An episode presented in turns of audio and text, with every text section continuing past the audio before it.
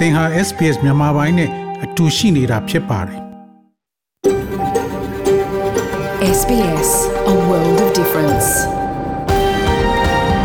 You're with SBS Burmese on mobile, online and on radio.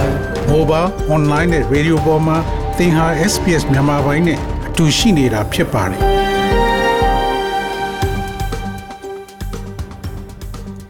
ဒေါရရှင်မြတ်ချက်တိမင်္ဂလာဖျားဖျားနဲ့ ပြည့်စုံတော်မူကြပါစားခင်ဗျာဒီနေ့ဇွန်လ21ရက်အင်္ဂါနေ့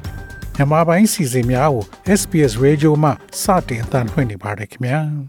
ဒီနေ့စီစဉ်များကိုကျွန်တော်ကြော်ထွန်းအောင်ခေါ် Terror အောင်ကတင်ဆက်သွားမှာဖြစ်ပြီးယနေ့ပါဝင်မဲ့ဆောင်းပါးတွေကတော့အခြေချနေထိုင်ခြင်းလမ်းညွန်ကဩစတြေးလျတွင်ကလေးမွေးစားဆောင်းရှောက်ခြင်းနဲ့ပတ်သက်တဲ့သတင်းဆောင်ပါ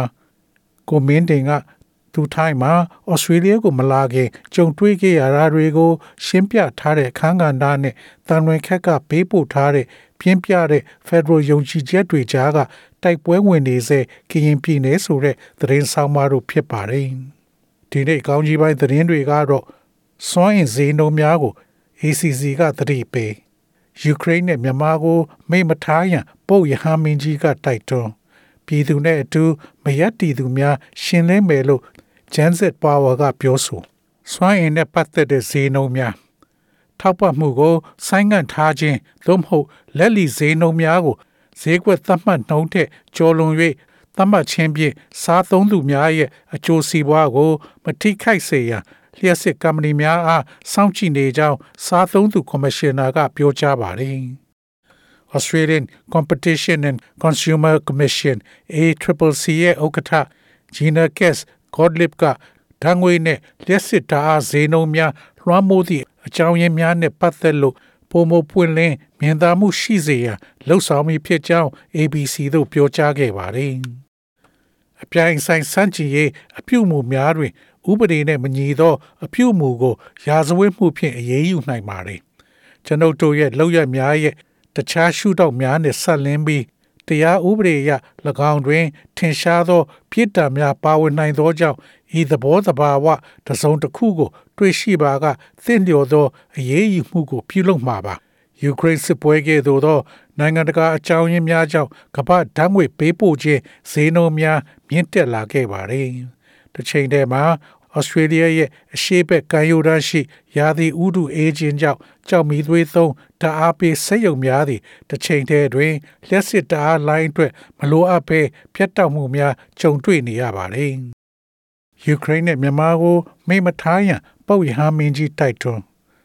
အာဇာနည်ယူကရိန်းပြည်သူများရဲ့ထိခိုက်ခံစားမှုများကိုမမေ့ပြစ်ရပုတ်ရဟန်းမင်းကြီးကရိုမန်ကက်သလစ်ဘာသာဝင်များအားတိုက်တွန်းပြောဆိုလိုက်ပါတယ်။ ပြီးခဲ့တဲ့တနင်္ဂနွေနေ့ကစိတ်ပီတာရင်မြင်တွင်အပေါ်စီးမှမြင်ရသော၎င်းရဲ့လာသာဆောင်မနေ၍လူအုပ်အားမိန်ကွန်းပြောရတွင်ပုတ်ရဟန်းမင်းကြီးကတိုက်တွန်းပြောဆိုခြင်းဖြစ်ပါတယ်။ထို့အပြင်မြန်မာနိုင်ငံ၌နေအိမ်များမိရှုခံရခြင်းအကြမ်းဖက်မှုများကြောင့်အိုးအိမ်ဆွန့်ထွက်ပြေးရသူများနှင့်အခြေခံလူသားချင်းစာနာထောက်ထားရေးအကူအညီများချိုးတက်နေတဲ့ပြည်သူများရဲ့ နာကျင်ငုံကြည်မှုများကိုလည်းပုတ်ရဟမင်းကြီးကပြောဆိုပါတယ်ဖြစ်ပွားစေပဋိပက္ခများတွင် ပြည်သူများရဲ့အသက်အိုးအိမ်ကို လေးစားရန်မြန်မာနိုင်ငံကကက်သလစ်ဘုန်းတော်ကြီးများရဲ့တောင်းဆိုချက်တွင်မိမိပါပူပေါင်းပါဝင်ကြောင်းပုပ်ယဟန်မင်းကြီးကပြောဆိုသွားပါတယ်။ပြည်သူများနဲ့အတူမရက်တီသူများကိုတောက်သိရှင်းလင်းသွားမယ်လို့ Generation Z Power ကပြောဆိုမန်လီမြို့တွင် မဟာအောင်မြေမြို့နယ် တန်လက်မော်အနောက်အောင်ချမ်းသာရရက်ွက်တွင်စစ်ကောင်စီတပ်ဖွဲ့ဝင်တပ်ချက်ကြီးတူကို Generation Z Power အဖွဲ့ကရှင်းလင်းခဲ့ပြီးပြည်သူများနဲ့အတူမရက်တီသူများကိုသုတ်တင်ရှင်းလင်းသွားမယ်လို့အဖွဲ့ခေါင်းဆောင်ဖြစ်သူကပြောဆိုပါတယ်။တပ်ချက်ကြီးမျိုးဆွေးဆိုသူသည်ရန်ကုန်မြို့တွင်တာဝန်ကျနေသူဖြစ်ပြီးမန္တလေးမြို့ရှိ၎င်းနေအိမ်သို့ခွင့်ယူကာပြန်လာနေစဉ်ဇွန်လ21ရက်နေ့နနက်9နာရီခန့်က သနပ်ဖြင့်၅ချက်ပြစ်ခတ်ခါရှင်းလင်းခဲ့ခြင်းဖြစ်ကြောင်း Generation Z Power အဖွဲ့တာဝန်ခံထမှသိရှိရပါတယ်။ထို့အပြင်ယခုချိန်တွင်စစ်ကောင်စီဘက်ကိုရွေးချယ်ပြီးပြည်သူများနှင့်အတူမရက်တည်သည့်မြည်သူကိုမစိုးသုတ်သိရှင်းလင်းသွားမယ်လို့လည်း၎င်းကပြောဆိုပါတယ်။စွမ်းရင်အကြက်အတဲ့ Federal စွမ်းရင်ဝင်ကြီး Chris Bowen က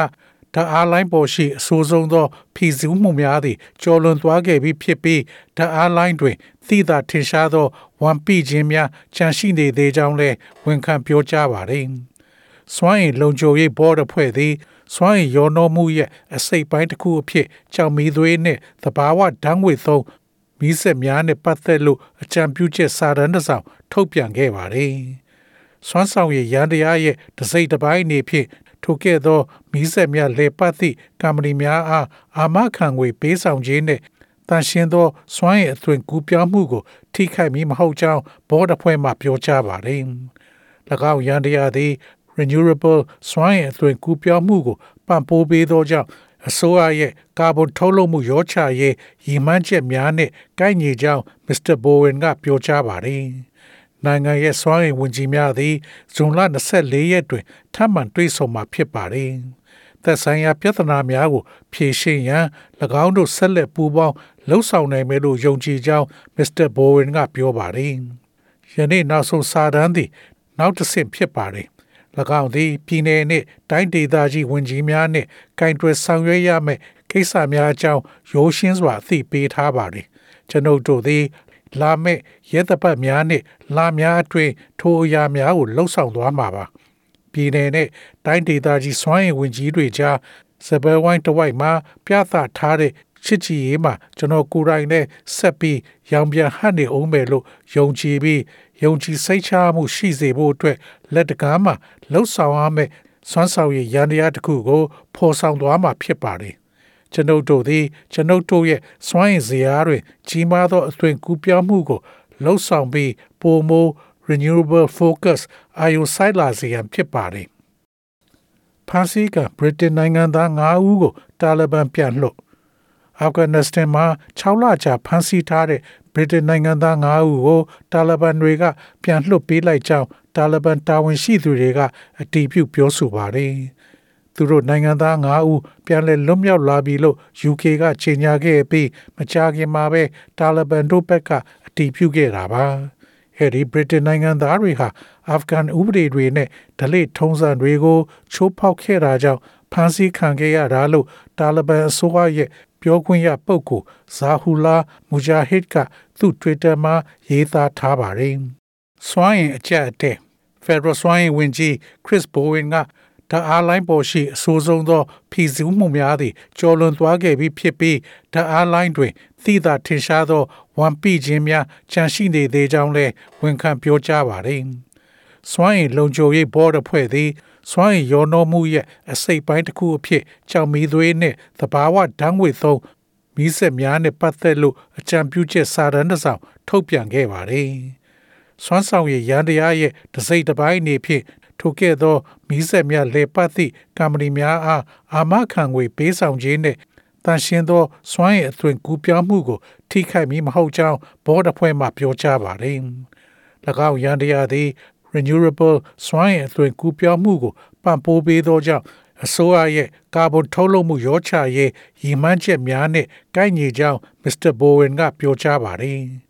နိုင်ငံရဲ့စွမ်းအင်ဝန်ကြီးများသည်ဇွန်လ24ရက်တွင်ထပ်မံတွေ့ဆုံမှာဖြစ်ပါတယ်။သက်ဆိုင်ရာပြဿနာများကိုဖြေရှင်းရန်၎င်းတို့ဆက်လက်ပူးပေါင်းလှုပ်ဆောင်နိုင်မယ်လို့ယုံကြည်ကြောင်းမစ္စတာဘိုဝင်ကပြောပါတယ်။ယနေ့နောက်ဆုံးစာတမ်းသည် နောက်တစ်ဆင့်ဖြစ်ပါတယ်၎င်းသည်ပြည်내နှင့်တိုင်းဒေသကြီးဝန်ကြီးများနှင့်ကင်တွယ်ဆောင်ရွက်ရမယ့်ကိစ္စများအကြောင်းရိုးရှင်းစွာအသိပေးထားပါသည်ကျွန်ုပ်တို့သည် လာမယ့်ရဲတပ်ပတ်များနှင့်လာများအတွင်းထိုအရာများကိုလှုပ်ဆောင်သွားမှာပါပြည်내နှင့်တိုင်းဒေသကြီးစွမ်းအင်ဝန်ကြီးတွေကြားစပယ်ဝိုင်းတဝိုက်မှာပြသထားတဲ့ချစ်ကြည်ရေးမှာကျွန်တော်ကိုယ်တိုင်နဲ့ဆက်ပြီးရောင်ပြန်ဟတ်နေအောင်မယ်လို့ယုံကြည်ပြီးယုံကြည်စိတ်ချမှုရှိစေဖို့အတွက်လက်တကားမှာလှုပ်ဆောင်ရမယ့်စွမ်းဆောင်ရည်ရန်တရားတစ်ခုကိုဖော်ဆောင်သွားမှာဖြစ်ပါတယ် ကျွန်ုပ်တို့သည်ကျွန်ုပ်တို့ရဲ့စွမ်းရည်စရာတွေကြီးမားသောအသွင်ကူးပြောင်းမှုကိုလှုပ်ဆောင်ပြီးပိုမို renewable focus အာယုဆိုင်လာစေရန်ဖြစ်ပါတယ် SBS SBS SBS SBS SBS This is SBS Radio. ငွေလဲနှုန်းမှာတော့ Australian dollar ကိုမြန်မာကျပ်ငွေ1292ကျပ်ရရှိပြီး American dollar ကိုမြန်မာကျပ်ငွေ1852ကျပ်ရရှိပါတယ်။ Australian dollar ဟာ American 69စက်နဲ့ညီမျှပါတယ်။မနေ့ပြန် Australia တိုက်မှာရှိတဲ့မြို့ကြီးများရဲ့မိုးလေဝသခန့်မှန်းချက်ကတော့ Sydney မြို့မှာအပူချိန်18 degree centigrade ရှိမှဖြစ်ပြီးများသောအားဖြင့်နေသားမှာဖြစ်ပါတယ်။ Melbourne မြို့မှာအပူချိန်16 degree centigrade ရှိမှဖြစ်ပြီးနားနယ်ပိုင်းမိုးတစ်ဖြောင်းနှစ်ဖြောင်းရွာသွန်းနိုင်ပါတယ်။ Brisbane မြို့မှာအပူချိန်23 degree centigrade ရှိမှဖြစ်ပြီးနေသားမှာဖြစ်ပါတယ်။ Perth မြို့မှာအပူချိန်22 degree centigrade ရှိမှဖြစ်ပြီးမိုးရွာသွန်းမှာဖြစ်ပါတယ်။ Adelaide မြို့မှာအပူချိန်18 degree centigrade ရှိမှဖြစ်ပြီးမိုးရွာသွန်းမှာဖြစ်ပါတယ်။ Hobart မြို့မှာအပူချိန်14 degree centigrade ရှိမှဖြစ်ပြီးမိုးတိမ်သားများအနည်းငယ်ရှိမှဖြစ်ပါတယ်။ Canberra မြို့မှာအပူချိန်73 degree centigrade ရှိမှဖြစ်ပြီးများသောအားဖြင့်နေသားမှာဖြစ်ပါတယ်။ ဒါဝင်မြို့မှာအပူချိန်33 degree centigrade ရှိမှဖြစ်ပြီးနေသားမှာဖြစ်ပါတယ်။ဤတွင်သတင်းများကိုကြီးညာလို့ပြီးပါပြီခင်ဗျာ။